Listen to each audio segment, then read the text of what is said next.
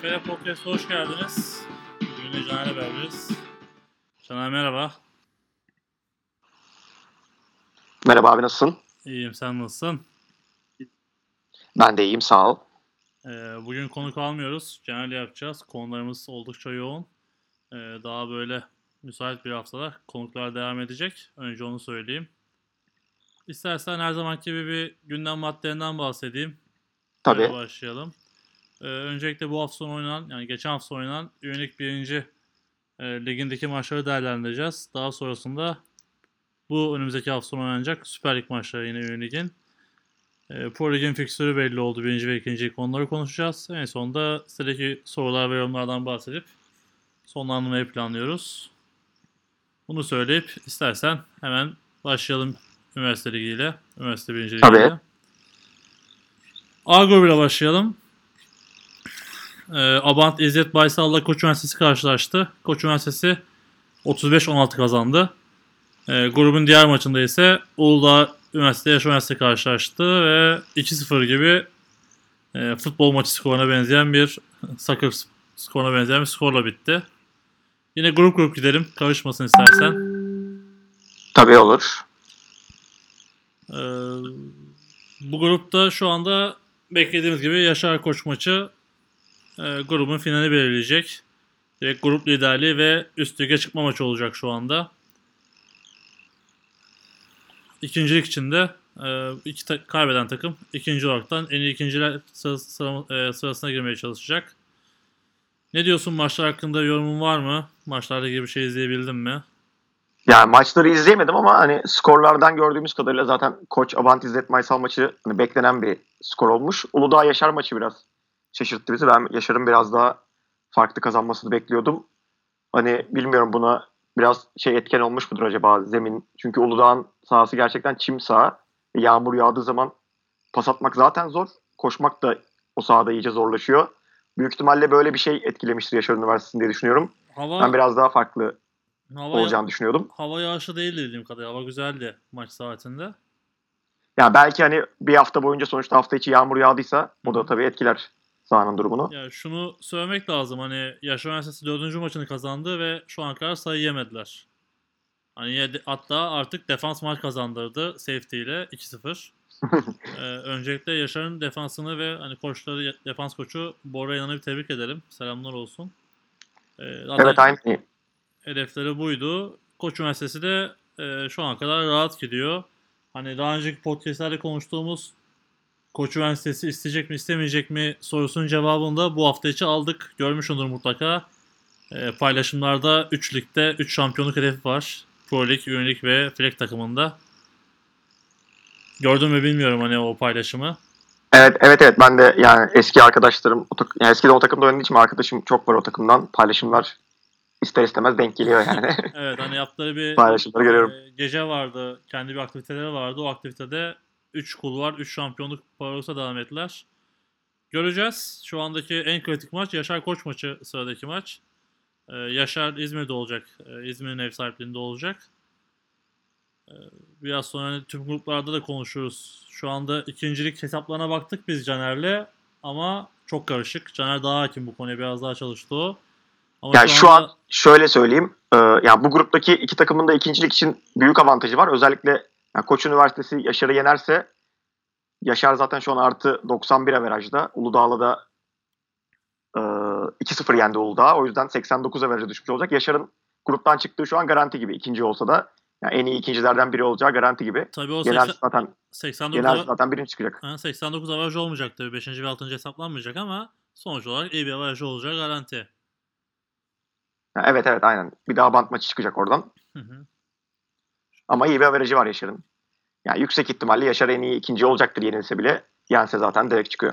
Orada Abant dedin ama Abant Akdeniz maçı oynanmadı. Abant Akdeniz'i kazanırsa Akdeniz çıkacak. O Yani ben sıralamadan. şu anki şeye göre söyledim. Hani şu anki duruma göre söyledim. Orada bir maç eksik. Hani daha Abant'la Akdeniz oynamadı. Onlar nedense haftaya oynuyorlar. Herhalde özel bir durum vardı bilmiyoruz. Ee, Abant Akdeniz maçı. Orada da ilk dörtteki hani bu sıralamaya girecek takım verecek aslında. O da garip bir durum olacak. Onun dışındaki maçta Uludağ Selçuk kalacak sadece. Onları zaten daha sonrasında konuşuruz. Ee, Aynen. Dediğin gibi hani o maçı e, koç kazanırsa Yaşar da büyük ihtimalle çıkacak gibi görünüyor playoff'a. Ama e, maçı Yaşar kazanırsa koç için durum karışık. Anladığımız bu. Evet koç, koç için koç için biraz karışık çünkü averajı yani Abant maçı da çıkacak oradan. Uludağ maçı da çıkacak averajdan. Şu an 33 averajı var. Yaşar'a da biraz farklı kaybederlerse bayağı zor duruma düşecek koç. E, mutlaka merak edenler vardır. Abant İzzet maçında e, Ivan oynamadı. Kadroda yoktu, götürülmedi. Ama Yaşar maçında oynayacağı hakkında bilgi aldım. Direkt birinci ağızdan. Ivan'ın kendisinden. O da şöyle oldu. Super Bowl İstanbul'a gelmiştim biliyorsun sen. E, orada izlediğimiz mekana onlar da geldi. Daha sonra podcast'in sonunda belki konuşuruz bunu da. E, bütün yabancıları tanıma şansına nail oldum. Bu arada Ivan saçları kestirmiş. Hani korkunç Ivan dediğimiz Ivan biraz daha sevimli olmuş. Onu da söylemiş olayım. Magazin tarafı olaraktan. B grubuna geçelim istersen. Tabii. B grubunda haftanın maçlarında e, Namık Kemal Üniversitesi Kocaeli karşılaştı. Favori Kocaeli 26 alt kazandı. Böylece Kocaeli grup liderliğini garantiledi. Okan Üniversitesi de Pamukkale karşılaştı. Pamukkale Okan Üniversitesi 46 kazandı. E, burada da grup ikinciliği için Namık Kemal ve Pamukkale arasında son haftanın maçını bekleyeceğiz. Bir de Düzce Üniversitesi ve Okan Üniversitesi var. Yani sarılmaya çok etkilemeyen bir maç. E, namalip takımların maçı olacak. Bu grup için Na- ne demek istersin? Na, Na galip pardon. Na galip aynen. Na galip demek istemiştim. Na galip takımların maçı olacak. Hani kazanan sezonu galibiyetle kapatacak. Ha, bu arada şeyi hatırlatalım. Biz geçen hafta tahmin yapmıştık. Hani A grubu da 2'de 2. Bu grupta da 2'de 2. Yani beklediğimizin dışında skorlar olmadı. Bu grupta da tahmin ettiğimiz şeyler gerçekleşti. Yani Kocaeli Namık Kemal Üniversitesi'ni rahat yendi. Pamukkale'de Okan Üniversitesi'ni rahat yendi. Bu grup için ikincilik mücadelesi var. Bu grupta şöyle bir durum var. Yani Düzce Okan maçının skoru da önemli. Çünkü Namık Kemal de e, Pamukkale'de Okan'ı biraz daha farklı yendiler Düzce'ye göre. Burada Okan'ın ilk dörde girmesi bu takımların direkt en iyi ikinci olma şansını arttıracak, yani yükseltecek. Ama yani skorlara bakılırsa Düzce'nin Okan'ı yenmesi daha büyük ihtimal görünüyor. Böyle bir durumda da Namık Kemal Pamukkale maçında yani yenen tarafın farklı yenmesi lazım en iyi ikinci olmak için. Öyle de bir zorluğu var. Yani yakın geçen bir maçla şeye çıkamazlar. Yani en iyi ikinci olamazlar gibi duruyor. Bu sene başında alınan hani bu grupların farklı sayıda olmasından kaynaklanan bu fikstür playoff olayı da çok farklı bir heyecan kattı. Büyük ihtimalle çoğu takım maçı kazandığı anda bile çıkıp çıkmayacağını bilmiyor olacak. Hani çok cidden Evet, evet. değişik bir sene olacak çoğu takım için. Çok Evet, evet bence belki- önceki senelerden yani daha güzel oldu bu sistem. En azından birçok takımın şu an hala şansı devam ediyor. Belki bir tek sayıyla, yani taştan değil tek sayıyla playoff'ların yeri bile değişebilir. Öyle görünüyor Evet, şu evet. anda. Yani atılan, yenilen her sayının değeri var şimdi son hafta. Evet hani bu sene belki bazı takımlar için e, bu geçiş senesi oldu. Seneye de böyle olur mu bilmiyorum ama seneye böyle olursa hani Mercy kuralının uygulanmadığı çok maç göreceğiz gibi geliyor. Hani belki çoğu takım yedeklerini çünkü- oynattı, Mercy kuralını uyguladı ama hani şu anda öyle bir tablo var ki hani atabildiğin kadar atman gerekiyormuş. aynen aynen yani belki takımlar hani ilk başta bunun tam şeyinde değillerdi.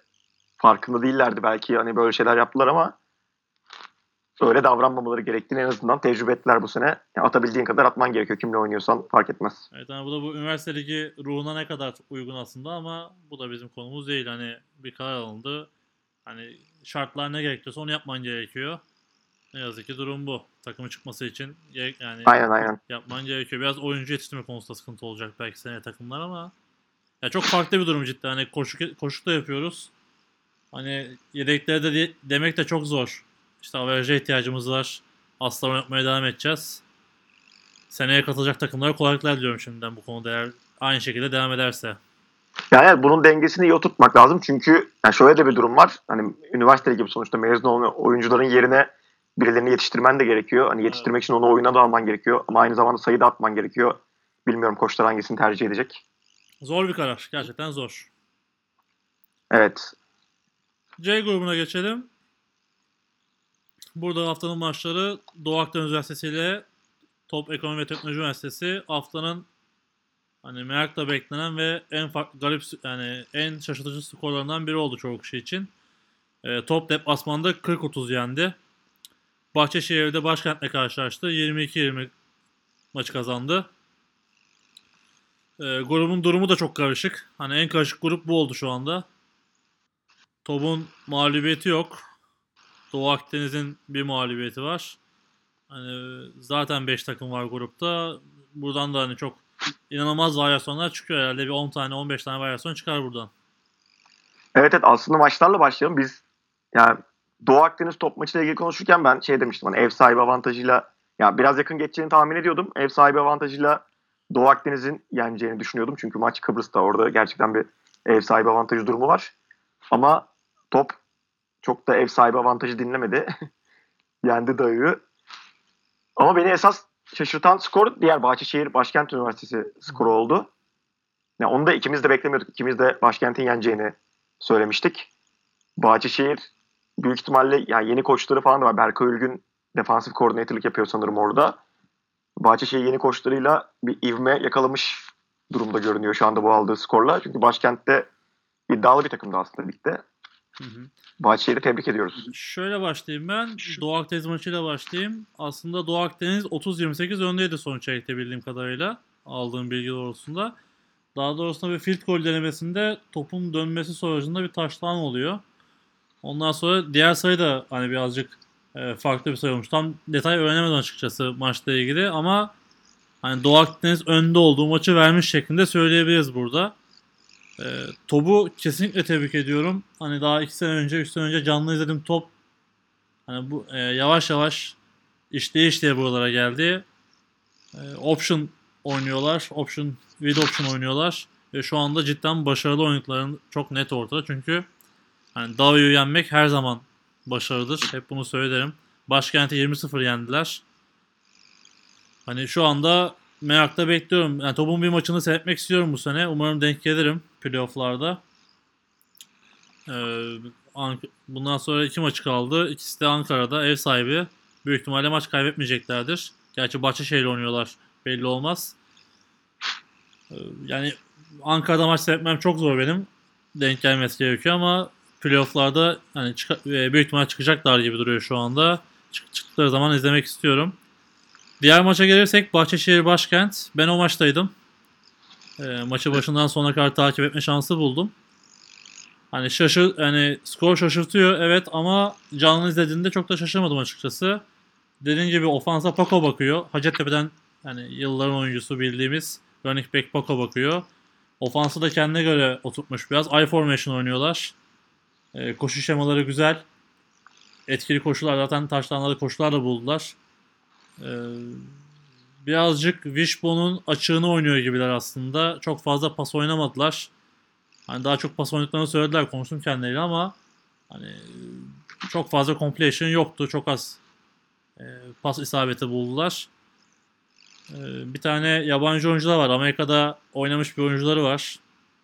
Running back ama pek running back oynamadı maçta. Hani koç kararından dolayı oynamamış. Ama returnlerde oynadı. Returnlerde de bu oyunu bildiğini gösterdi. Yani çoğu e, kick return'de veya işte punt return'de 40 yard kadar aldı neredeyse ortalama. Ben çok beğendim. Ama tabii ki hani içer, içeriğini bilmiyoruz. Hatta işte maça da geç geldi. birazcık hani Amerikalı oyuncu şeyi var galiba. Kendisi de hani birazcık da konuşma satı da buldum. Hani oynamayı bekliyor tabii ki. Hani Pro League dedim mesela. Pro League'de düşünüyor musun dedim. Hani teklifler de açık. Buradan da bunu söyleyeyim. Özellikle İstanbul takımlarına. Ee, başkent Double Wing oynuyor. Play call'ları Kerem Ateş verdi. Ee, bu maçla ilgili ilginç bir anekdot da var. Onunla da başlayayım. Ee, bu maçtan önce aynı hmm. bölgede e, İslam Üniversitesi'nin maçı vardı. İslam Üniversitesi Antalya Bilim Üniversitesi'nde oynadı. Evet. Başkentin oyuncusu hakemlik de yapan Sefa Antalya Bilim'in koştuğunu yapıyor ayrıca. Biraz sonra da bahsedeceğim ama o maçta bir atılma olayı oldu. Ee, Sefa koç olarak atıldı. Bir 3-4 saat sonra maçta oynuyordu. Oyuncu olarak yer aldı. Hani böyle de garip bir durum var. Hakemlerin yarısı da aynıydı. Hani Türkiye Ligi'nde her şeyi görebiliyoruz böyle. Koç olarak atılıp 3 saat sonra maçta oyuncu olarak görev alabiliyorsun. Benim bundan haberim yoktu ya. Sefa Antalya'nın koştuğunu yapıp aynı zamanda da aynı ligde başkentte oyuncu olarak mı oynuyor? Evet. Böyle bir garip Hiç durum böyle var. bir şey olacağını yani ilk defa duydum böyle bir şey. Tabii tabii hani işte hani bir de iki maçı üstte izleyince çok garip oluyor. Hani koç olarak görev aldı, atıldı. Aynı hakemlerle ki kendisi de hakem biliyorsun. Evet evet biliyorum. Oyuncu olarak yer aldı. Hatta bayağı hani komik diyaloglarda oldu maç içinde bununla ilgili. Peki şöyle bir şey olsa ya ikisinin maçı çakışta birbiriyle nasıl bir şey izliyor, nasıl bir yol izliyor? E, ayrıca hakemlik de yapıyor. Yani onu, hani onu herhalde kendisi bir karar alıyor. Büyük ihtimalle koçluğu tercih ediyordur. Mecbur çünkü. ya başkentte takımda oynamaktan oynamaktansa Antalya'da koçluk yapmayı tercih ediyor. Zaten Antalya'da yaşıyor. Hani üniversitede sadece oyuncu olarak bağ var büyük ihtimalle. Ha, anladım anladım. Ha, o nedenle hani sadece gidebildiği maçlarına da destek, destek olmak için gidiyor. Zaten defans kaptanlığı gibi yapıyor. Ee, ama başarılıydı hani tabii çok tecrübeli oyuncu artık ligimiz için. Ee, Bahçeşehir için dediğim gibi ben çok beğendim. Hani Berkay ve Paco takıma disiplin getirmeye çalışıyor öncelikle gördüğüm kadarıyla. Onun dışında hani O-line'da 2-3 oyun çok iyi iş, iş başardı. Defanslarını geliştirmeleri gerekiyor bariz bir şekilde. E, panik ol- olabiliyorlar hani yeni takım olduğu için. Başkent için de hani söylemem gereken şu double wing oynamaya çalışıyorlar ama hani çok başarılı olamadılar. E, Bahçeşehir 6 line dizdi. 6-3 oynadılar. Onu hani ona karşı bir çözüm bulamadılar. Paslar da başarısız oldu. Çok başarılı bir pas performansı yoktu. Çok uzun oyuncuları var. Özellikle e, defensive line'da ve bir tane receiver 97 numara çok uzun. Ama bunları etkili kullanamadılar. Hani iki sene önce Süper Lig'den bildiğimiz Başkent'ten şu an ne yazık ki eser yok. Zaten artık hani Başkent Süper Lig'deyken pas oynuyordu. Şu an double wing oynuyor. Hani buradan bile çok şey değişmiş görüyoruz. E, maç ortadaydı aslında. Hani Başkent de alabilirdi. Bahçeşehir biraz e, maça hızlı başladı. İki taşlarla başladı. Sonra biraz yavaşladı gibi oldu. Ee, ama Bahçeşehir'in geleceği var. Hani bu programa sisteme devam ettikleri sürece geleceği olacak takım olduğu belli.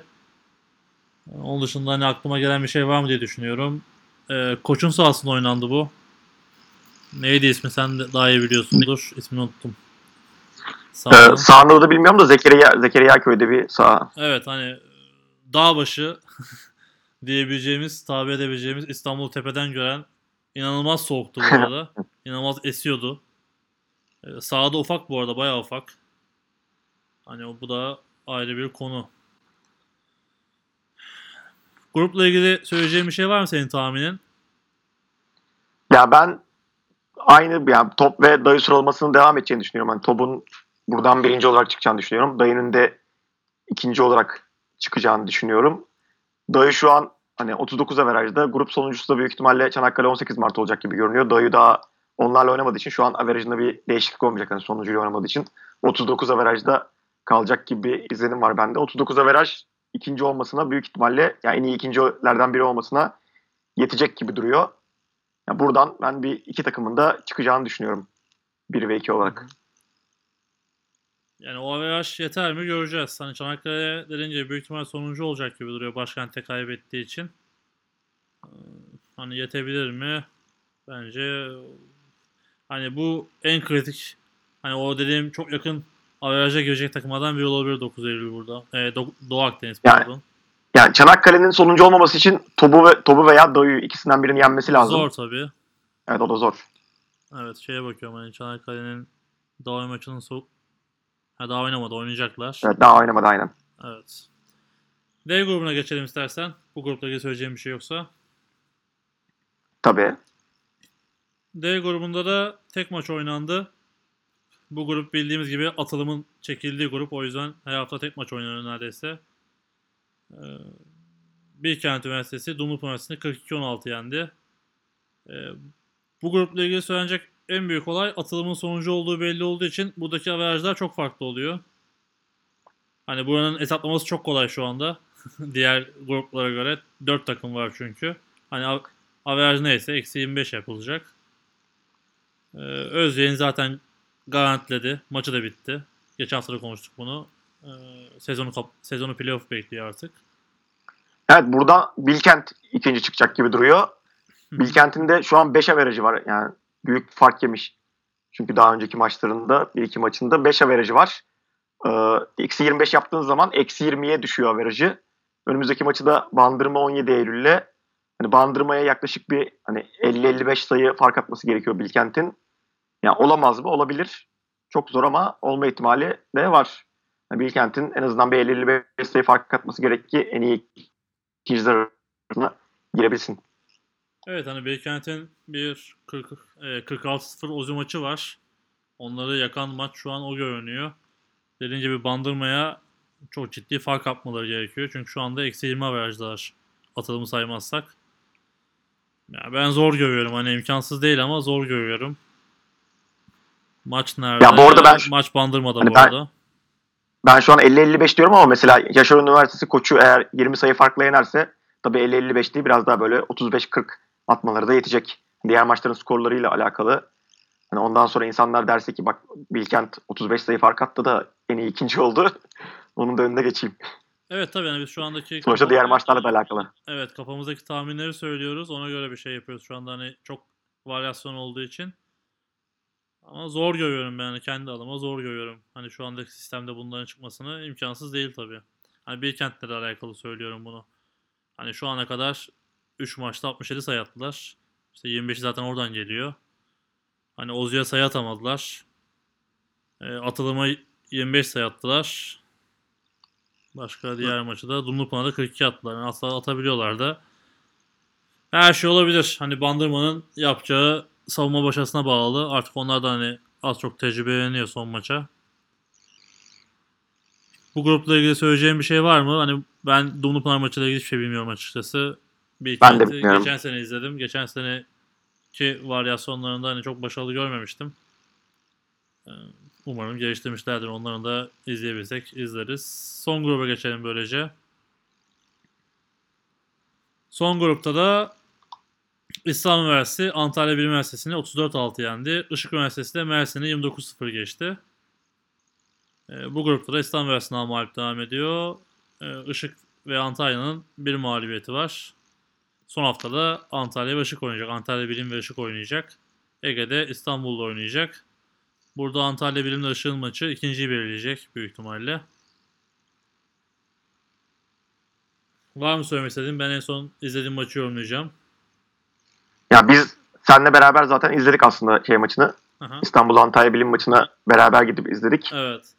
Yani İstanbul çok üstün oynadı Antalya Bilim'e karşı. Rahat da oynadı aslında 34-6. Ya Maç sonu biraz gergin gerginlik oldu ama çok da saha için değil de biraz da saha dışındaki tribündeki olaylara gerildi biraz. Antalya Bilim oyuncuları ve koçları. İşte Antalya Double Wing oynuyor. Dediğin gibi hani başkentle aynı gibi Aslında- playbookları zaten. Aslında şeyi hani bir düzeltmek lazım. Tribündeki olaylar değil, tribündeki tepkiler. Yani tribünde bir olay yoktu aslında. Yani evet aynen. Tribünün sahaya Aynen tepkileri. Yani, tribünden içeriye söylenen şeyler diyelim. Hani bir iki kişinin tribünden söylediği şeyleri Antalya oyuncu ve koçları bir de açılan bir pankarta Antalya koçları sinirlendi. O yüzden çıktı biraz olay. Ya onu da söylemek lazım. 4 senedir karşılaşıyor bu iki takım. Bir şekilde hep denk geliyorlar. Onun verdiği bir e, rekabet oluşmuş durumda. O artık kendi içinde çözülmesi gereken bir sorun. Hani nasıl çözerler bilmiyorum ama bir şekilde çözülmesi lazım. Çünkü ortada cidden bir şey yok. Sahada herhangi bir sıkıntı olmadı aslında. Hani çok da temiz maç oluyordu. Dediğim gibi rahat da geçiyordu maç. İki tarafta futbol oynamaya çalışıyordu. Benim gördüğüm kadarıyla hani senin farklı bir yorumun bilmiyorum ama biraz gereksiz oldu olanlar. Ya bu maçta aslında benim genelde düşündüğüm bir şey de göz önüne çıktı biraz. Hani double wing oynayan bir takımın defansı pasa karşı nasıl çalışıyor antrenmanlarda? Yani ben bunu biraz merak ediyorum. Hiç double wing oynayan bir takımda bulunmadığım için sonuçta sürekli antrenmanda büyük ihtimalle ofansı double wing çalışıyordur. E, defansta double wing'e karşı oynamak zorunda kalıyor. Defans nasıl çalışıyor diğer takımların ofansına? Hani onu biraz merak ediyorum. Bunun da bence eksikliğini çok yaşadı Antalya. Çok pas yedi İstanbul Üniversitesi'nden. Hatta Koşu da yedi, pas da yedi. İkisini de yedi. Hatta bunu maçta, Ama pa- maçta konuşmuştuk hatırlıyorsan. Sen de hani pas coverları kötü diye ben de dedim ki double wing oynuyorlar nasıl çalışsın belki demiştim sana. Biraz Evet, aynen öyle. Hatta bununla ilgili ben hani yıllar önce Anka'yı tebrik etmiştim yine podcast'te. Hani Anka yine böyle koşu üzerine oynayan bir takım. e, nasıl pas pas korumaları çok iyiydi, coverları çok iyiydi. Maçtan sonra koçlarla konuşmuştum. Ottu'dan rica ediyorlardı. Ottu'nun QB ve receiver'larını idmana getirip bir şekilde çalışıyorlardı. Bunun da karşılığını almışlardı ama kendi idmanlarında hani karşı takım ofansını oynayın deseler bile takım double wing oynuyor yani bütün yıl. Spread oynasalar da tabii ki verimli olmuyor bence de. Bir şekilde böyle bir imkanı olan takımlar uygulayabilirlerse bunu uygularsa ancak başarılı olabiliyor. Ki bunların işte double wing oynayan takımların pas korumasında hep görüyoruz. İşte Antalya Bilim olsun. İşte ben e, başkentte de gördüm bunu. Hani atılan her pas te- tehlike oluşturuyor aslında. Bu maçla ilgili hani teknik olarak söyleyebileceğim de İslam Üniversitesi'nde e, Taha'yı izledik. Taha da çok aslında kendini yormadı diyelim. Hani zorlamadı diyelim. Rahat maç geçtiği için sürekli site'lardan dışarı çıktı. Hatta sen de konuştuk bunu. E, büyük ihtimalle hani kendi yani doğru olanı yaptı aslında. E, onun dışında İslam Üniversitesi dikkati e, çok farklı takımlarda, pro takımlarında oynayan oyuncular var. Hani bunlar da artık onlara tecrübe ve oyun bilgisi katıyor. Bu da sahada çok net görülüyor. Coaching olarak yeni koçları var. Geçen sene Eren Emrah Yıldırım da bu sene farklı bir koçları var. Ee, Biraz daha hani biraz daha nasıl diyeyim sistem koymaları gerektiği aslında belli oluyor. İyi takımlar. Hani oyuncu oyuncu bazına baktığımda iyi oyuncuları var. Ama sahada o kadar akan bir oyun görmedim ben kendi adıma. Hani İslam Üniversitesi gibi nüfusu da kalabalık bir üniversitede daha etkili bir takım çıkmasını bekliyorum ben kendi adıma. Hani şu anda grupta iyi gidiyorlar ama playoff'ta ne olur? Hep beraber göreceğiz.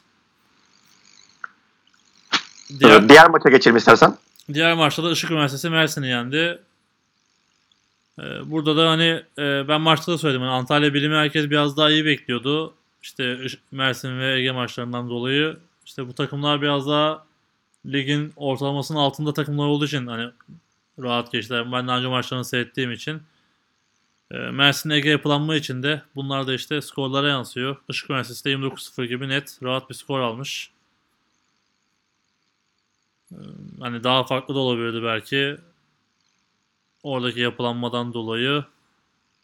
Ya ben bir yani bir iki duyum aldım maçla ilgili. Hı hı. Birincisi ya işte izleyen arkadaşlarım vardı şu an onlardan aldığım bilgiyi söylüyorum. Mersin'in yani iki veya üç tane first down'ı olduğunu söylediler bana.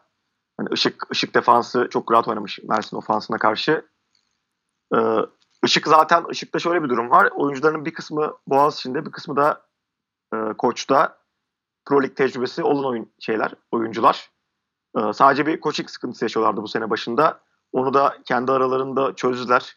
Hani bazı işte tecrübeli oyuncularını oyunculuktan alıp sadece koçluğa yönlendirdiler.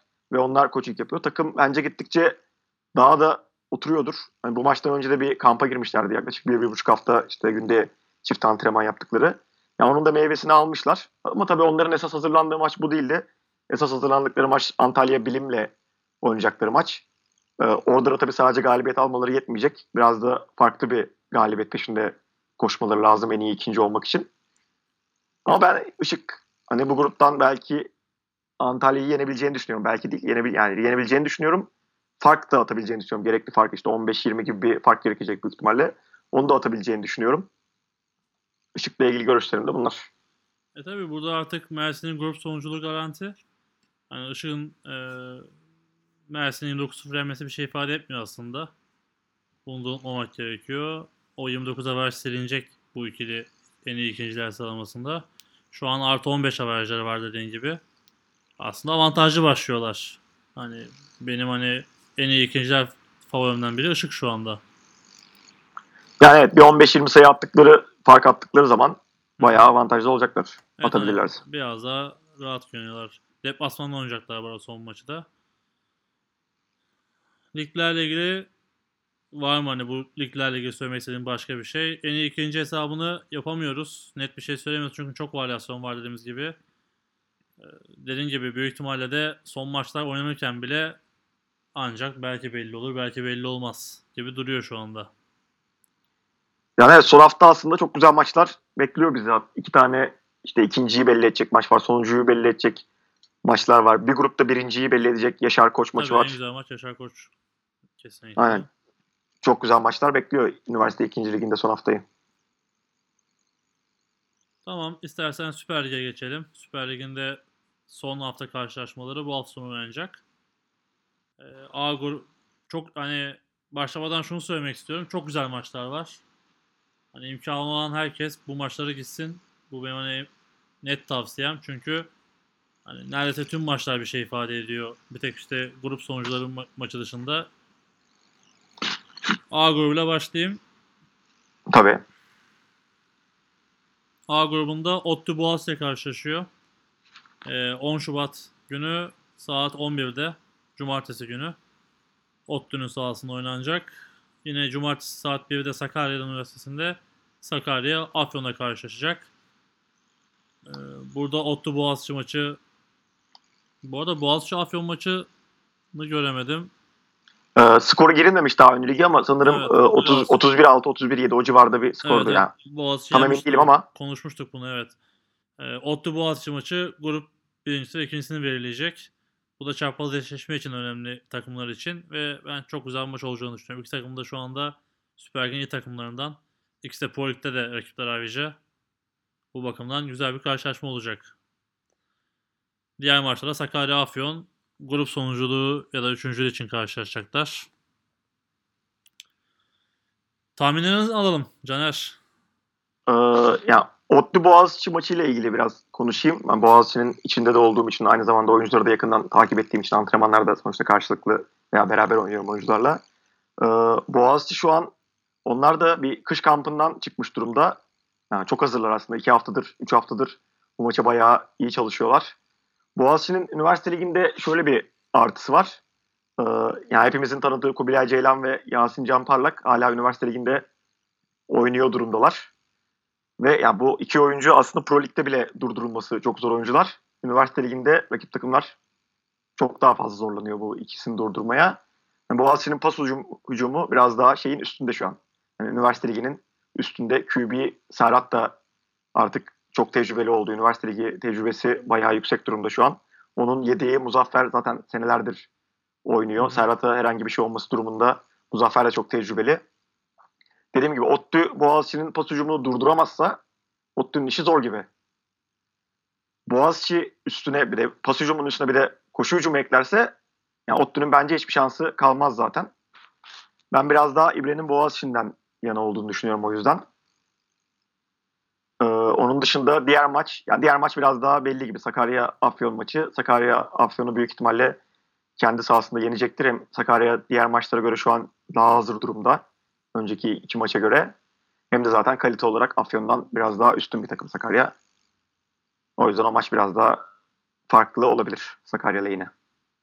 Benim de tahminlerim aynı yönde. Boğaziçi ODTÜ karşısında hani dediğin gibi hücum varyasyonu nedeniyle önde gidecektir. Bir de bence Boğaziçi'nin defansı da çok iyi bu sene. Hani defansı hani Sakarya'dan en çok sayıldılar ama Special Team'den yediler iki sayıyı da. Ben Boğaziçi'nin alacağını düşünüyorum. Diğer maçta dediğim gibi Sakarya hani forma farkıyla alacaktır diye düşünüyorum. Boğaziçi defansı şöyle aslında D-line dışında kalan arkadaki ünite D-back ve linebacker ünitesi bayağı tecrübeli bir ünite. Biraz D-line'da ufak sıkıntıları var. Onun dışında geri kalan zaten tecrübesiyle bile çok rahat üniversite liginde oynuyorlar. Evet hani bu farkta belli ediyor maçlardan izlediğimiz maçlarda. Hani üniversite ligi için cidden iyi bir defansif üniteleri var arka taraf. Arka 8'li mi diyelim artık artık 7'li mi? Diğer gruba geçelim. B grubuna. B grubunda e, Türk Hava Kurumu Üniversitesi ile Hacettepe karşılaşıyor. Pazar günü saat 11'de Hacettepe'nin sahasında oynanacak bu. Aslında ev sahibi Türk Hava Kurumu ama Hacettepe'nin evinde oynanacak. Ee, diğer maçta saat 15'te İTÜ'nün sahasında İTÜ ile Yıldız karşılaşacak. Sözü sana bırakayım. Senin grubun.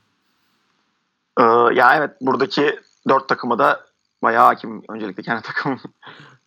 Haricinde diğer üç takıma da bayağı hakim durumdayım. Yıldız'ı TK biraz, Yıldız'ı biraz biliyorsundur Caner. e, az çok biliyorum. Ee, TYK Hacettepe maçıyla başlayayım. Yani ikisine ikisine de karşı oynamış olarak hem koç olarak hem oyuncu olarak ikisine karşı bu sene görev yaptım. Takımları da gördüm. Ben Hacettepe'nin yani ofans olarak özellikle biraz daha çok varyasyona sahip olduğunu düşünüyorum Türk Hava Kurumu Üniversitesi'nden. Yani Hacettepe zaten her zaman çok tecrübeli bir takım, çok oturmuş bir takım. Ee, bu maçtan Hacettepe'nin galip ayrılacağını düşünüyorum. Hacettepe'nin defansif sorunları var aslında bu sene. Yani çok da sayı yediler zaten. Hani hem Yıldız Teknik'ten hem İstanbul Teknik'ten ikisinden de çokça sayı yediler. Yani defansif sorularını da biraz hallettilerse rahat bir maç geçireceklerdir Türk Hava Kurumu'na karşı. Ee, istiyorsan sen de bu maçla ilgili şeylerin, düşüncelerini söyle sonra diğer maça geçelim. Evet hani burada bir Türk Hava Kurumu'nun çok kan kaybettiğini konuştuk defalarca. Hani o bizim bundan bir iki sene önce konuştuğumuz Türk Hava Kurumu yok ne yazık ki. Hacettepe'de sürekli üstüne koymaya başladı. Ee, Her maç gittikçe daha iyi oluyor hani son 3 sene için söylemek gerekirse. Ben de Hacettepe'nin kazanacağını düşünüyorum.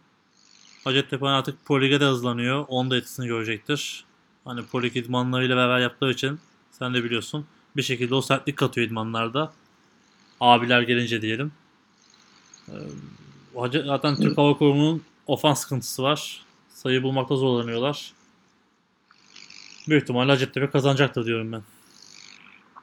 Senden fazla bir Ee, şey söylemeyeceğim büyük ihtimalle Süper Lig'de. Aynen. Diğer maça geçelim ya. İstanbul Teknik Yıldız Teknik maçı. Aslında şöyle bir güzelliği var bu maçın. Yani hem iki tane iyi takım karşılaşacak. Yani şu an gerçekten üniversite liginde çok iyi performans sergileyen iki takım karşılaşacak. Hem de İstanbul'daki şu an bu hafta tek maç. O yüzden ben biraz hani hem seyircileri maça davet ediyorum hem de biraz kalabalık olmasını bekliyorum maçın. Yani biraz daha yani Süper Lig için güzel bir maç kimse kaçırmasın diyorum. İstanbul'da işi olmayan, boş olan herkese bekliyoruz maça. Ee, maçla ilgili analiz yapayım. Ee, yani Yıldız Teknik şu an şeyin Süper Lig'in en iyi average'e sahip olan takımı. Yani hem atıyor hem de az yiyor. O yüzden hani bayağı hem ofans hem defansı şu an çok iyi durumda. Ee, İTÜ de ofans olarak çok iyi durumda. Ofans zaten 79 sayı atmış iki maçta. Sanırım Süper Lig'in en çok sayı atan takımı İTÜ ofansı. Ama İTÜ'nün defans sıkıntıları olduğunu gördük. Hacettepe'den bir 35 sayı yediler Hacettepe maçını bayağı da zora soktular böyle. Son saniyede kazandılar falan. Ama ben biraz antrenmansız olduklarını biliyorum o zaman. Şu an arada işte 2 ay, 2,5 ay gibi bir süre geçti. Pro Lig'e de hazırlanıyorlar. Hani çok iyi antrenman yaptıklarını işte hani sosyal medyadan, arkadaşlarımdan falan görüyorum. Çok daha hazır çıkacaklardır Yıldız Teknik maçına. Ben çok zevkli maç olacağını düşünüyorum. Hani futbol açısından da güzel görsellere sahip olacak bir maç olacağını düşünüyorum. İstanbul'dakiler kaçırmasın diyorum. Tahminini alamadım Caner. Tahmin yapabilecek misin? Ama ben e, rıt tıt tıt yeneceğimizi düşünüyorum. Ya tabii canım. Du- tamamen duygusal bir açıklama oldu. ha, tabii tabii yani zaten hiç kimse yenilmek için maça çıkmaz. Hı. Ben hani şu an biz de gayet iyi durumdayız. O yüzden hani yeneceğimizi düşünüyorum. Ya Yıldız Teknik hani çok tecrübeli takım artık lig için. Ee, hani bu sene de e, seyrettiğim kadarıyla başarılı. İTÜ zaten hani Ün Lig'in son 5 senesinin, yani son 10 senesinin en başarılı takımlarından biri. Ee, bir haftanın maçı zaten hani belki de söyleyebiliriz. Ee, maç çok ortada. Hani kim alır dersen de sana farklı söylemiş olayım ya. İTÜ alır diyorum. tamam. farklı olayım. Ee, Berkay oynayacak mı? Berkay yok değil mi artık Katar'da? Gitti mi gidecek mi biliyor musun tam? Yani ben yok diye biliyorum. Yani Berkay dediğim Berkay Bayraktar defans. Evet, evet safety. 25 numara safety. İşte onun, Yani ben yok diye biliyorum. işte onun olmaması bir dezavantaj oluşturabilir. Bir tek o var hani en büyük avantaj diyeyim Yıldız için. Ee, onun dışında farklı olsun ya. İti olur diyeyim ben. Yani evet şöyle e, ben onu da söyleyeyim. D-back konusunda çok büyük sıkıntı çektiler Hacettepe maçında. Yani o, o maçı anlatırken de söylemiştim. Hacettepe'nin neredeyse havaya kaldırdığı her top Hacettepe lehine hı. pas olarak dönüştü yani. İşte 2-3 kişinin üstünden aldığı toplar da oldu receiver'ların. Genelde kısa boylu D-back'lerle oynuyor. Gerçekten kısa boylu D-back'lerle oynuyor İTÜ. Hani top güzel atıldığı zaman receiver da iyiyse 2-3 kişinin üstünden çıkıp alabildiği oldu. Yani bunu Hacettepe maçında gördük. Bilmiyorum buna nasıl bir çare düşündüler, nasıl bir şey düşündüler. Hı hı. Böyle de bir eksisi var diyelim İTÜ'nün. Ya çok tecrübeli bir ekip yani ekip diyorum tamamen e, organizasyon olarak çok tecrübeliler. Mutlaka bir gelişim sağlamışlardır. Senin dediğin gibi çok poligede başladılar artık. Çok ciddi çalışıyorlar. Yani ben geliştiklerini düşünüyorum. O yüzden de güzel maç olacak. Hani dediğin gibi İstanbul olanlar tek maç zaten. Kaçırmasınlar. Seyir zevki bol. Büyük ihtimalle belki de sürekli ortada olan bir maç olacak diye tahmin edebiliriz. C grubuna geçiyorum. Ee, İzmir derbisi. 9 Eylül ekonomiyle oynuyor. Pazar günü saat 11'de. Cumartesi günü de saat 8'de Anadolu Yeditepe maçı olacak. Ee, önce Anadolu Yeditepe'yi konuşalım istersen. Tabii. Ya bu grup en karışık gruplardan biri. Bu grupta da her sonuç yani birinci, ikinci, üçüncü, dördüncü konusunda değişiklikler olabilir. Ee, Anadolu yine bir akşam maçı yapıyor. Çok tartışılan. Saat 8'de yine Mut Muttalip Spor Kompleksinde. Işıklandırmayı arttırmışlar. Hani bu net ama yine bakalım sıkıntı olacak mı? Ee, YTP bir değişim içinde. Hani bunu geçen podcastlarda defalarca söyledik. Bu sene cidden sıkıntılı gidiyor ünilik açısından söylemek gerekirse. Anadolu Üniversitesi de e, sakat oyuncuların fazlalığı ve belli oyuncuların takımından uzaklaşması nedeniyle sorunlar yaşamıştı. Biraz daha değişiklikler olacak diye biliyorum ben Anadolu'da. Çok fazla hani bir şey söylemek de istemiyorum. Olur olmaz. Ee, bu nedenle de Anadolu'yu favori görüyorum ben şu anda. Hani ev sahibi avantajıyla da. Sen ne diyorsun maç için? Ya zaten hani Efe'ye de sorduk geçen hafta işte üniversite ligindeki düşüşün sebebini. Efe de çok fazla rookie oyuncuları olduğunu söyledi. Ben de izlediğimde zaten görmüştüm hani Yeditepe gerçekten defans olarak özellikle şu an Süper Lig seviyesinin altında bir defans var. Altında bir oyun oynuyor Süper Lig seviyesinin. E, Anadolu ofansı da tecrübeli. Biraz da böyle double wing oynayan bir ofans. İyice zorlaşacak Yeditepe defansının işi. Double Çünkü biraz daha sert bir maç olacak onun. Wishbone. Çok takıntılı. Tamam Wishbone diyelim. Tak- takın- takıntılılar ona. Ha, Wishbone diyelim. Yani biraz daha sert oynayacaklar. Hani Yeditepe'nin de defansta sertlik konusunda sıkıntısı vardı. Daha çok sıkıntı çıkaracaktır Anadolu onlara. Ben Anadolu'nun rahat kazanacağını düşünüyorum bu maçı. Ya ben bu sene başında bir şey söylemiştim. Anadolu'nun formasyon değiştirmesini bekliyorum demiştim. Hani sonra da hatta olur mu öyle şey falan diyenler oldu. Hatta Anadolu'dan bile tepki aldım ama hani şu maçtan itibaren farklı formasyonlar bekliyorum ben. En azından denemelerini bekliyorum kendi adıma. Hani bu biraz hissiyat, biraz görüş diyelim. Olunca da sö- söyleriz. Güzel maç olacak. Eskişehir'de olan olursa da bu maçı da izlesin mutlaka. Anadolu da Polig'e hızlanıyor. Onların da bir öyle bir artısı var. YTP zaten hani Polig'e bu sene çok iddialı geliyor. Ama işte Anadolu hani üniversite liginde Polig oyuncuları neredeyse %90 aynı. Onun bir avantajı var onlar için. Tabii YTP tamamen transferler ve eski oyuncuların dönmesine bağlandı. Onlar da katkı sağlamıştır. Gelelim İzmir derbisine. 9 Eylül Sen, ekonomi. sen başla istersen çünkü sen daha çok hakimsin oradaki takımlara. Evet hani bu maç e, nasıl diyeyim hani benim sezon başından beri beklediğim maç İzmir için. bu iki takım arasında da tatlı bir rekabet var yıllardır. E, bu maç bence doğruğa çıkacak bu rekabet. E, yani kendi adıma gergin bir maç olmasını bekliyorum. Hatta yayın önce de konuştuk. Hakemlere baktık. Göksel Türe Eskişehir, eski, Eskişehirli başhakem olacak.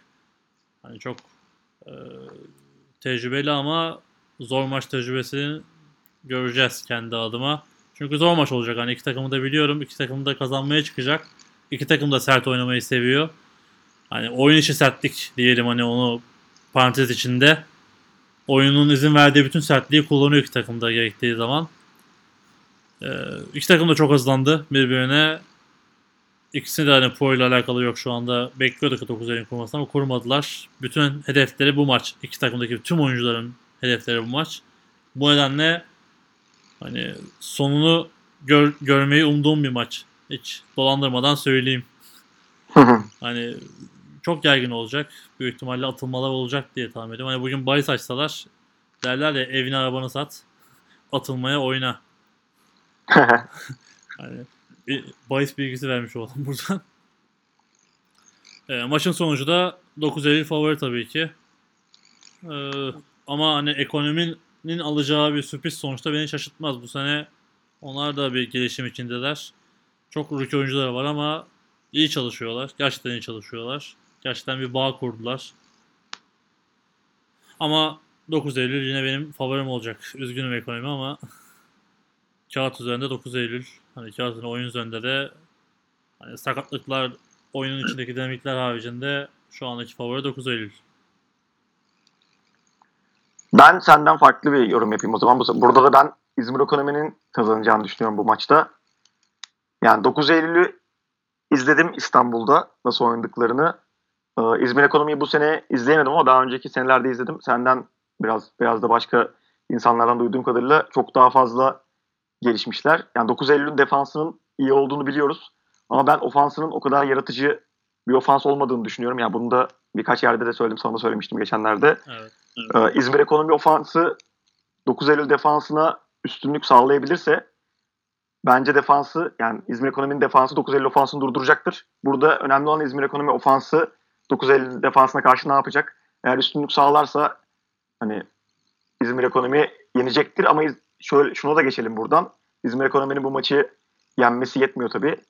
Ee, yaklaşık bir yaklaşık demeyeyim de tam olarak 29 sayı veya daha fazla sayıyla yenmesi gerekiyor İzmir Ekonomi'nin 9 Diğer maçın skoruna da bağlı. İkili üçlü averajlar değişiyor diğer maçın skoruna göre. Yani şöyle şöyle Anadolu'nun Yeditepe'yi yendiğini düşünüyorum burada. Evet. Anadolu Yeditepe'yi yenerse eğer İzmir Ekonomi 29 farklı yendiği zaman e, 9 Eylül'ü Anadolu birinci, İzmir Ekonomi ikinci olarak çıkıyor. E, 33 ve daha fazla farklı yenerse İzmir Ekonomi bu sefer İzmir Ekonomi birinci, Anadolu ikinci olarak çıkıyor bu gruptan. Burada hani senle 9 Eylül. Hı hı. Cumartesi de konuştuk bunu. Hani 9 Eylül'ün evet basit görünen bir ofans şablonu var ama hani execute dediğimiz olay çok iyi. Yani ben ofans line koşu bloklarını çok beğeniyorum. Hep söylüyorum bunu. Hayata söylüyorum. Hani çok iyi bir şablonları var. Evet çok basit oynuyorlar belki. Çok net oynuyorlar. Playbookları çok geniş değil. Hani QB'leri yeni tam bir QB değil daha Yakup. Hani o da gelişiyor zamanla. Hani kendi kafasına bile daha oturmadı QB'lik belki ama Hani işte Kortay var çok tecrübeli. Milli takımda da oynadı. Bu sene YTP'de oynayacak. Yani dediğin gibi basit görünüyor ama bence durdurması zor bir ofansları var. Ee, ekonominin de aynı tamamen rookie. Hani biraz da bildiğim için.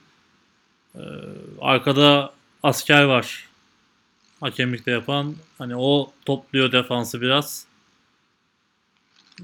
Göreceğiz. Bir de 9 Eylül'de Abu faktörü. Hani onu, onu bekliyorum ben sürekli artık zaman da oldu son maçlarından bu yana. Bu sene ofensif koordinatörlere gelen Ege Nesli QB'si Abu da oraya katkı sağlayacaktır diye düşünüyorum.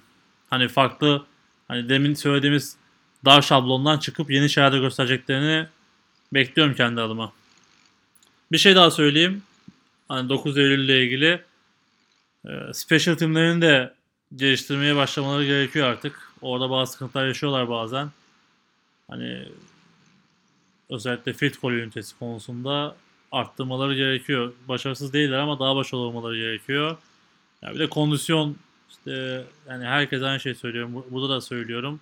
9 Eylül'ün en büyük olayı 4 çeyrek hiç durmadan oynuyorlar. Hani hiç düşmüyorlar. Sürekli yükselen yüks maç içinde en ufak bir şeyde yükselişi alıp devam edebiliyorlar. Bu da bence en büyük avantajları. Çünkü geriye düşüp maç kazanmayı da çok başardılar. Hani bazı takımlar vardır sen de biliyorsun sürekli önde giderler. İşte mesela buna en büyük örnek bence Anadolu. Anadolu geriye düştüğünde mesela panikleyebiliyor. Bunu gördük 9 Eylül maçında. Ee, ama 9 Eylül öyle bir şey yok. Hep underdog geliyorlar şimdiye kadar. Bundan sonra biraz underdog değiller. Biraz Eagles'a da şey olsun. Super Bowl. Hani underdog geldikleri için de onun avantajını güzel kullandılar. Biraz alıştılar oralara. Hani yenecek bir taştan da çıkarma konusunda sıkıntıları yok bence. Ekleyeceğim bir şey yoksa D grubuna geçeyim. Yok. Tamam son gruba geçtik. Son grupta da yine haftanın bir diğer bence çok güzel maçı. Cumartesi saat 3'te Gazi Bilgi ile karşılaşıyor. Pazar günü de saat 3'te Ankara Süleyman Demirel ile karşılaşıyor. Hani haftanın bir diğer önemli maçı Gazi Bilgi. Ne olur Caner sence? Ya ben İstanbul bir ya bilgi bir İstanbul takımı olmasına rağmen hiçbir maçı denk gelmedi izleyemedim bu sene. Ee, Gazi'nin maçını izledim, Bilgi'nin maçını izleyemedim. Yani öyle bir garip durum oldu.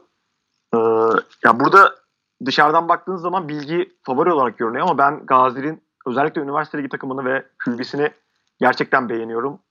Ee, takımın aldığı yolu aslında kat ettiği yolları gerçekten çok beğeniyorum. Nereden nereye geldi? İşte o ofansı özellikle nereden nereye geldi? Şu an yaratıcı bir ofansı olduğunu düşünüyorum. Özellikle de QB'nin bu kadar iyi olmasıyla beraber.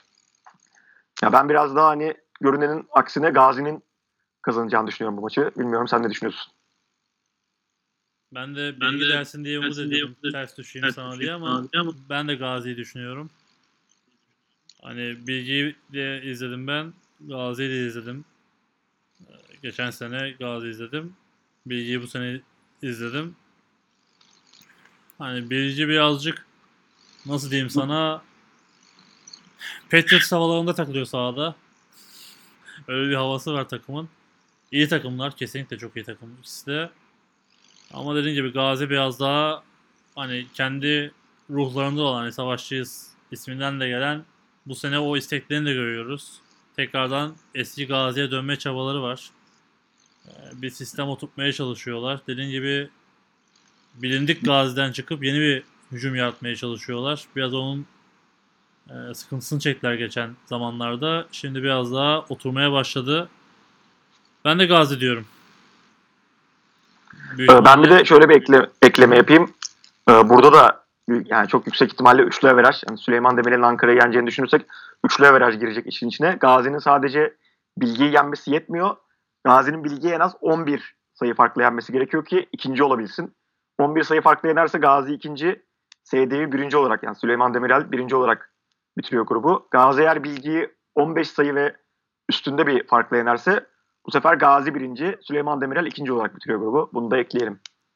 Bayağı karışık yani. Yani evet en azından 11 sayı fark atması lazım Gazi'nin gruptan çıkmak için.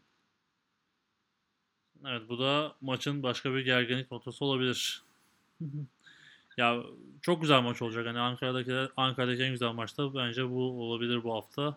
Hani rekabet açısından da senin söylediğin varyasyonlar açısından da iki takıma da başarılar diliyorum. Bilgiler de bize kızmasın hani görüşümüzden dolayı ikimiz de Gazi deyince. Ee, diğer maç için bir yorumunu aslında yaptın. Süleyman Demir'in kazanmasını bekliyoruz ikimiz de. Ankara Evet. Ankara düşüşte. Ee, yani bu seviyenin altında kaldılar açıkçası. Süper Lig'in altında kaldılar biraz seviye olarak. Yani burada Süleyman Demirel biraz gruptaki en rahat takım gibi hani gruptan çıktığı kesin gibi. Diğer maçın skoru ne olursa olsun ya birinci ya ikinci gruptan çıkacaklar bir şekilde. Süleyman Demirel ya Ankara'ya yenilmediği sürece gruptan çıkmama ihtimali yok şu an. Emin misin? Öyle sorayım. Evet e- emi- eminim eminim. Çok üçlü averajın hesabını yapmadım ama Ben yaptım 3 leverage hesabına eminim. 36-24 Gazi'ye yenmiş. O- Bilgi 12-2 yenilmiş. artı 2 averajı var SD'nin şu an. Hı hı. Bilginin artı 10, Gazi'nin eksi 12 3 leverajda. Hiçbir şekilde iki takım da SD'nin üstüne çıkamıyor şu an. 10-12. Hepsi 2 olsa ne oluyor? Hepsi 2 olamıyor işte. 3 takım beraber olduğu için üçünün de artı olduğu bir şey olmuyor. Ha anladım. Biri eksi olduğu için. Evet. Tamam senin matematiğine güveniyorsun. Teknik üniversitede okuduğuna göre yanlış yapmazsın herhalde. Yok ya bu bu konularda iyiyimdir. Yanlış yapma ihtimalim biraz düşük. Neyse böyle iddialı konuşma bak sonra kötü olur. Uyarayım. İnsanoğlu hata yapmaya meyillidir diyeyim ben. bu konuda bu bunun dersine çalıştım diyeyim ya. Ee, şeyden de bahsedelim. İstersen Süper Lig'in playoff ve playout maçları da 10 Mart'ta oynanacak. Ünlü birinci, Evet. ünlü birincinin de playoffları 10 Mart'ta oynanacak. Ee, ya çok güzel maçlar olacak. Süper Lig'in kalitesi her sene artıyor bence. Hani geçen sene Süper Lig daha da e, nasıl diyeyim üst düzey oynanmaya başladı.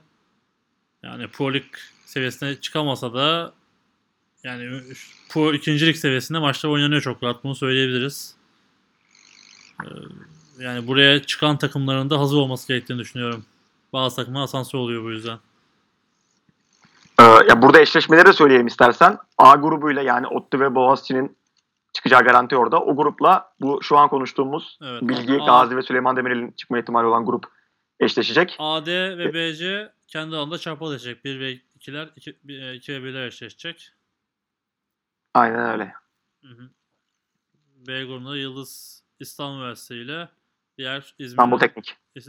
e, İstanbul Teknik Üniversitesi ile diğer İzmir ve Anadolu Yetepe'nin olduğu, İzmir takımının Anadolu Yetepe ol- olduğu grup eşleşecek. Hani playoff maçları da heyecanla bekliyorum ben kendi adıma şu gruplar belli olduktan sonra. Gelelim o zaman Pro Lig'e. Tabii. Ee, Pro Lig'in kura çekimine ikimiz de katıldık. İstanbul'daydım ben de zaten. Aynen basın ekibi olarak oradaydık. Evet, NFL TR ekibi olarak katıldık. Öncelikle Erkin'e bir tebrik ve teşekkür ederim. Ee, güzel bir sistem kurmuş. Kura çok hızlı ve kısa bir şekilde bitti. Ee, Kinder yine sponsor oldu diyelim. Kinder kutularında. Ama sistem hani hazır ve sorunsuzdu. O yüzden ben tebrik ediyorum kendi adıma Erkin'i. Ee, birincilikle başlayalım istersen. Geçen Bu arada şöyle ya aslında bayağı karışık bir sistem vardı. Hani işte 8 takım var 6'sı oynayacak, kim O, kimle evet, oynayacak iki- falan gibi bir sürü şey vardı. Erkin gerçekten tebrik etmek lazım. Hani hem sistemi iyi bulmuşlar hem de formülü iyi yazmışlar. Yani kendisi söyledi zaten biraz uğraşmış üstüne birkaç defa denemiş olmamış. Ondan sonra en sonunda çıkartmış. Gerçekten çok zor bir hani sisteme çok iyi altından kalkmış. Hem tebrik hem teşekkür ediyoruz bu fedakarlığı için. Sağ olsun. Onun sayesinde biz de kısa bir kura izleyip oradan maçlara İstanbul. Üniversitesi Antalya maçına gidebildik. Evet hani bu geçen hafta konuştuğumuz e, konuları tekrarlamaya gerek yok. E, birinci lige Uludağ katıldı. Mersin katılma hakkını kullanmadı. Kocaeli'de e, liglere girmeyince otomatikman girdi. Hızlıca bunu dinlemeyen veya bilmeyen varsa söylemiş olalım. E, ilk hafta maçları 24-25 Şubat'ta oynanacak. Bunları daha detaylı zaten o zaman konuşuruz. E, ikinci ligle ilgili de var mı söylemek istediğin bir şey? Hani Ligin, ligin sistemini söyleyelim istersen. Değişik evet. fark, farklılığının hani neden öyle olduğunu. şunu söyleyelim. Aldığımız bilgiler dışında bir durum olmadı. Katılacak takımlarla ilgili. Bunları çok uzun konuştuk zaten. Ee, işte ikinci gün neden az takım olduğunu işte bu Uludağ'ın durumunu. Ee, ikinci ligle ilgili bir sistem değişikliği geldi bu sene. Ee, aldıkları teknik kurul ve federasyon aldığı karar doğrultusunda iki grup yerine bir grup tercih edildi 9 takımdan. Ee, ama 8 maçın hem uzun hem de deplasman maliyetleri nedeniyle her takımın 6 maç yapmasına karar verildi. Böylece iki takımda maç yapmama e, durumu oluştu. Buna da tamamen kura usulü, çekilen kura usulü e, oluştu. Öncelikle İstanbul takımlarını çektiler hatta. Ondan sonra devam ettiler. Pardon o birinci ligdeydi. İkinci ligde e, yaptığı erkeğin sistem nedeniyle direkt çekilen kurallar sonucunda kimin kimle oynayacağı, kimin kimle oynamayacağı belli oldu. E, yani anlaşılmıştır diye düşünüyorum. Birazcık Bence şöyle bir güzelliği oldu. Tek grup. Ee, yani şöyle bir güzelliği oldu. Geçen sene hani gruplar çekildiğinde biraz böyle coğrafi koşullara göre gruplar çekiliyordu ama hani aynı coğrafi bölge içerisinde belki hani o üç tane en iyi o ligin takımı, ikinci ligin takımı aynı gruba düşüyordu ve bunlardan bir tanesi belki diğer grupta olsa birinci olacak.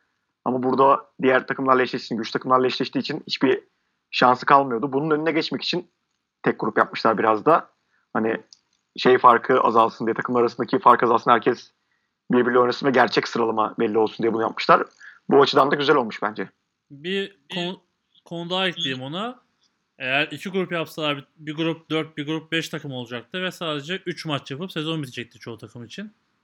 Hani bu bakımdan da bence çok faydalı oldu. Özellikle ikinci ligin 6 maç yapması oyuncu yetişme açısından, yetişmesi açısından da bence faydalı oldu. Bazı takımlar tabii kura nedeniyle uzak deplasmanları çekti ama bu da artık kura şansı diyelim. Bir de şunu da söyleyelim. Ee, yani bu ilk 9 takımdan ilk 4'ü playoff'a kalacak. Evet. Birinciyle dördüncü, ikinciyle üçüncü oynayacak. Sonra da kazananlar final maçı yapacak. Finali kazanan takım direkt birinci lige yükselecek. Profesyonel ligde birinci lige yükselecek. İkinci olan takım da birinci ligdeki yedinciyle oynayıp oradan kazanan işte ya yedinci olan takım ligde kalacak ya da ikinci olan takım birinci lige yükselecek. Evet böylece hani ikinci ligin ikincisi en çok maç yapan takım olacak. İkinci ligde bu sene. Ekstra bir maç daha oynayacak. Ee, büyük ihtimalle de zaten maçlar Haziran'da oynanacak bu maçlar. Hmm, Hatta işte Haziran sonu gibi oynanacak büyük ihtimalle bu playout maçı da. O da garip bir durum olacak Türkiye için. Şey de söyleyelim ikincilikle ilgili bir de onu da söyleyeyim. Ee, ilk hafta ilk 4 hafta 3 maç oynanıyor. 5. hafta 3 maç oynanıyor. 6. haftadan sonra da 4 maç oynanıyor. 6, 7, 8. haftada 4'er maç oynanacak. Fixture'un durumu da bu. İlk 3 hafta 3 bay, e, ilk 5 hafta 3 bay, sonra Bir de tek şu- bay var. E, bunun sebebi de şu biraz daha üniversite ligi yoğun olduğu için ilk haftalarda o yüzden biraz daha fazla takım bay geçirmeyi planlamışlar ki güzel de bir düşünce. Hı hı. Ondan sonra bütün takımlar sadece bir kişi bir takım bay geçecek şekilde oynayacaklar. Evet hani baktığın zaman da bir, cidden dengeli bir şey oldu. Hani herkes için baylar da biraz dengeli oldu. Yani dediğim gibi Erkin sistemi çok güzel kurmuş. Tekrardan tebrik ediyorum. Ee, maçları ve tahminlerimizi de ilerleyen haftalarda maçlar yaklaşınca konuşuruz. Var mı başka söylemek istediğin bir şey bu liglerle ilgili? Yok. Tamam zaten e, sorulara çok fazla soruyorum yok yine. Sadece 40. podcast'in altında bu konuştuğumuz Antalya Bilim Vandals'ın e, spor çalışmalarıyla ilgili bir eleştiri gelmiş. Bir Smile tarafından. E, benchleri az bulmuş. Ona da başka bir cevap vermiş. Ki güzel konuş, güzel yazmış bence. Ben de aynı şekilde düşünüyorum. Yani hayattaki her zaman düşüncem bir büyüktür sıfır. Yani o bara bara ağırlık değil boş barla başlamazsan o bara hiçbir zaman 100 kilo takamayacaksın. Hani bu her zaman böyledir. Boş barla başlayıp üzerine koya koya gidersin. Hani doğal bir e, topraktan gelme dediğimiz gücün yoksa bu her zaman böyle olmuştur. O yüzden de ben teşvik etmek gerektiğini düşünüyorum. Bir yerden başlamışlar. O yüzden de tebrik ediyorum.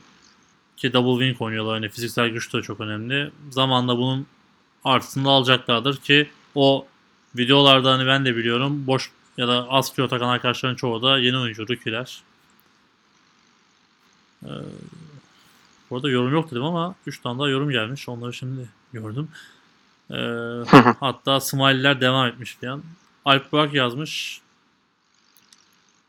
Ee, genel olarak gerçekten ligimiz ağırlıklı konuşması açısından programı beğeniyorum. Yorum yazmayı hissettiği, hissettiğim konu ise 5 sene konusunda doktor, veteriner meslek dallarına okuyan arkadaşlar istinaden bir madde eklenmesi gerektiğini düşünmekteyim demiş.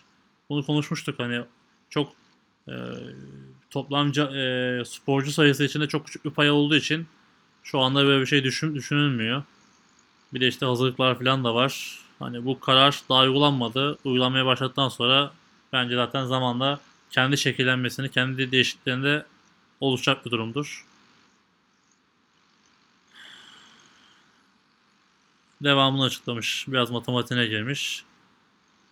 Ee, yani Alp Burak bu Alp Burak da büyük ihtimal Alp Burak Çamlıer'dir diye düşünüyorum. Ee, dediğim gibi hani birazcık kervan yolda gidecek. Ee, yeni bir kural. Zamanla belli istisnalar, belli değişimler olabilir. Smile'ler devam etmiş. Kamplarla ilgili bir şeyler söylemişler.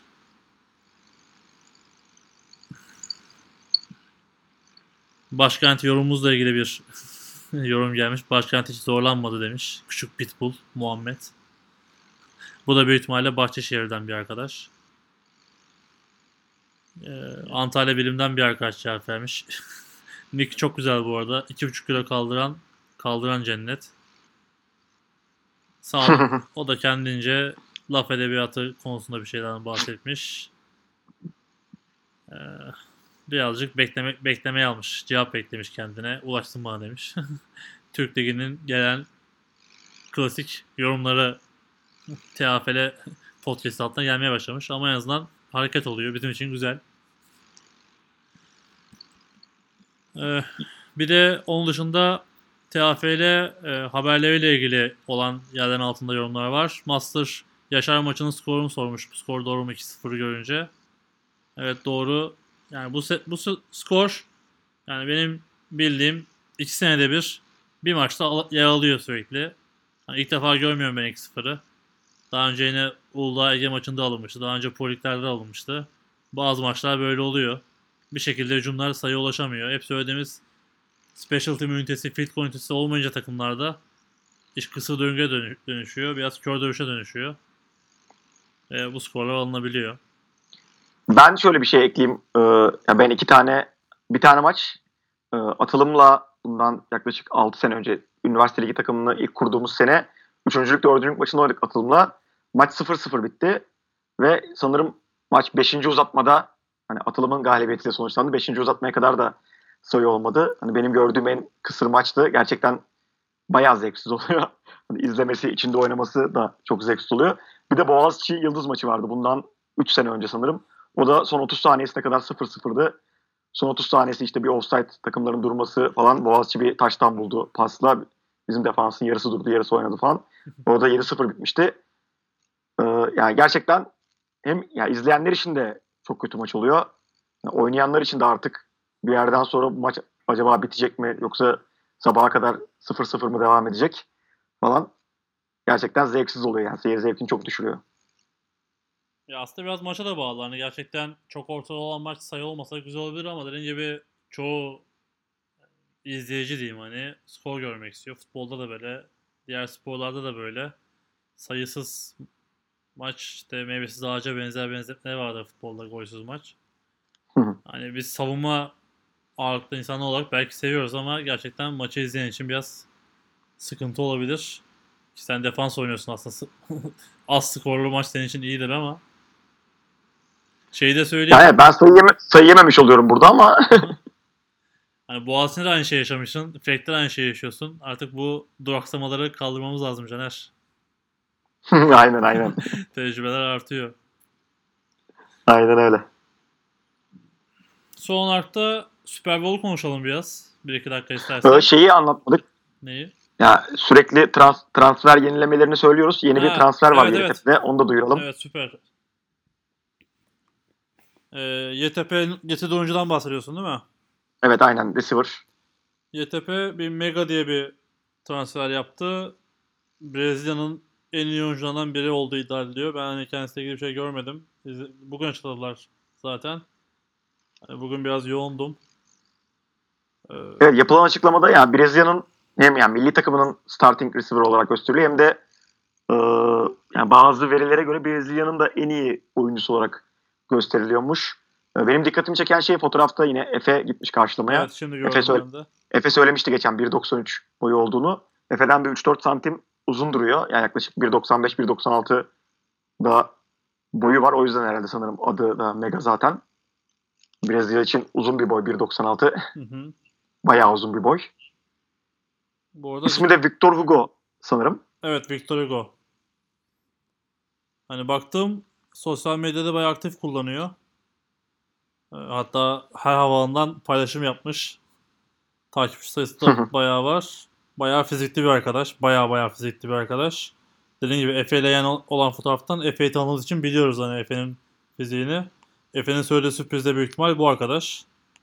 Ofansı alacakları. Evet, geçen, geçen hafta söylemişti aynen. Evet hani biz de bu cumartesi konuştuk büyük ihtimalle ya receiver ya online alacaklar diye. Receiver çıktı.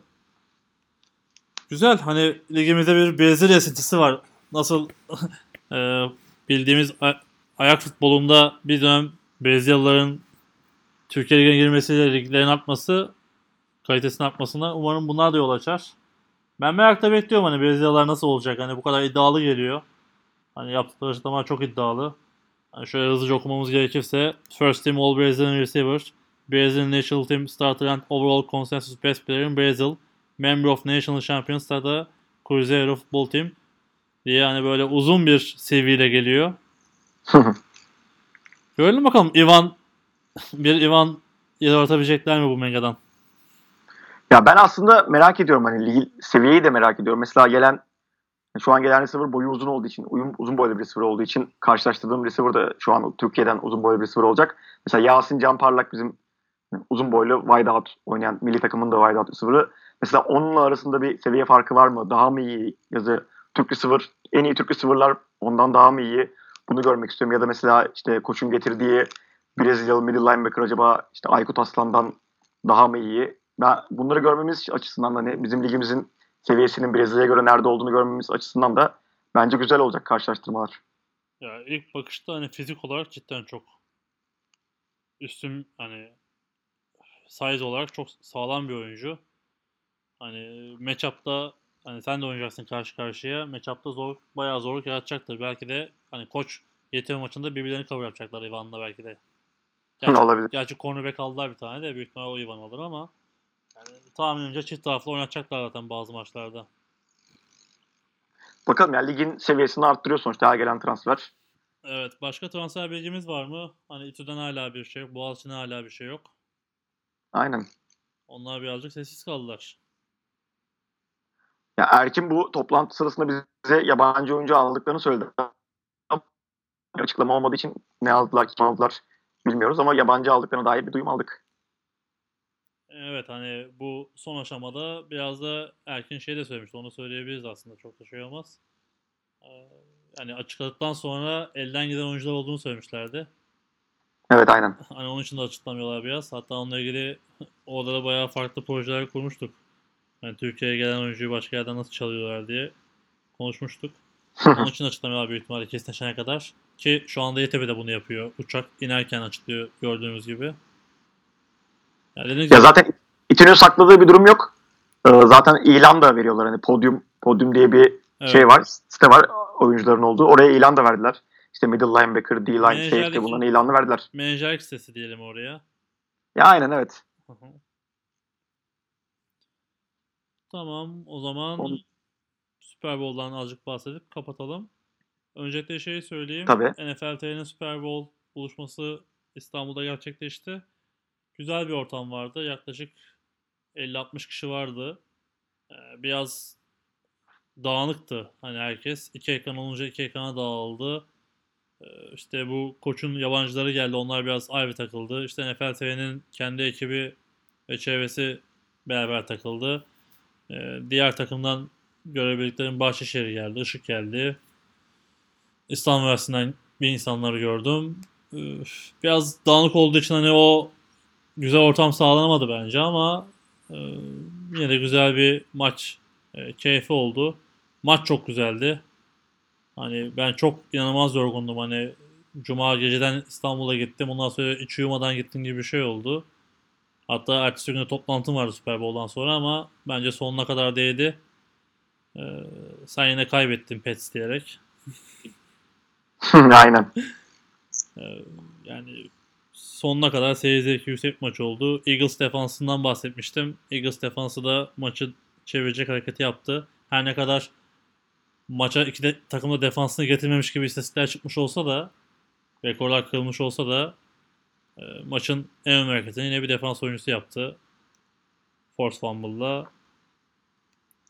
Var mı maçla ilgili söylemek istediğin? İzledin mi bu arada sen maçı? İzledin değil mi? Ya izlerim tabii ki de. Ee, yani şöyle aslında ben Petris defansını sene başında yani neredeyse hiç beğenmiyordum. Sene ilk maçlarda.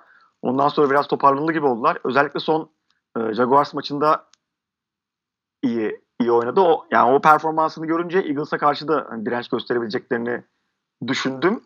Ama düşündüğümün tam tersi oldu. Petris defansının Eagles ofansına verebilecek hiçbir cevabı yani neredeyse yoktu. Buna rağmen Patriots ofansı ve yani Tom Brady maçı son iki dakika kala istediği yere getirdi. İşte son iki dakika 5 sayıyla Eagles öndeydi. Tam da Brady'nin istediği şey aslında. Son drive'ı zaman süre akıta akıta yapıp taş tane yapıp maçı orada bitirecekti. Ama burada işte bütün maç boyunca olmayan şey oldu. Bir sek, strip sek diyelim. Topu Tom Brady'nin elinden aldılar. Hı hı. Ya, ya sonra tekrar aslında Tom Brady'ye bir şans geldi. Sanırım 55 saniye kala, bir dakika civarı kala ama kendi 10 yerden yani orada bir special team de hata yaptılar bence. Orada reverse deneyerek 10 yarda yani 10 yardtan başlamak zorunda kaldılar. Oradan da tabii 50 saniyede hiç timeout'un yok. Maçı almak çok zor.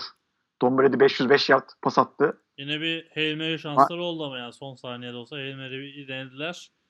Yani oraya kadar getirdiler maçı. Olmadı. neredeyse ol- oluyordu bu arada yani.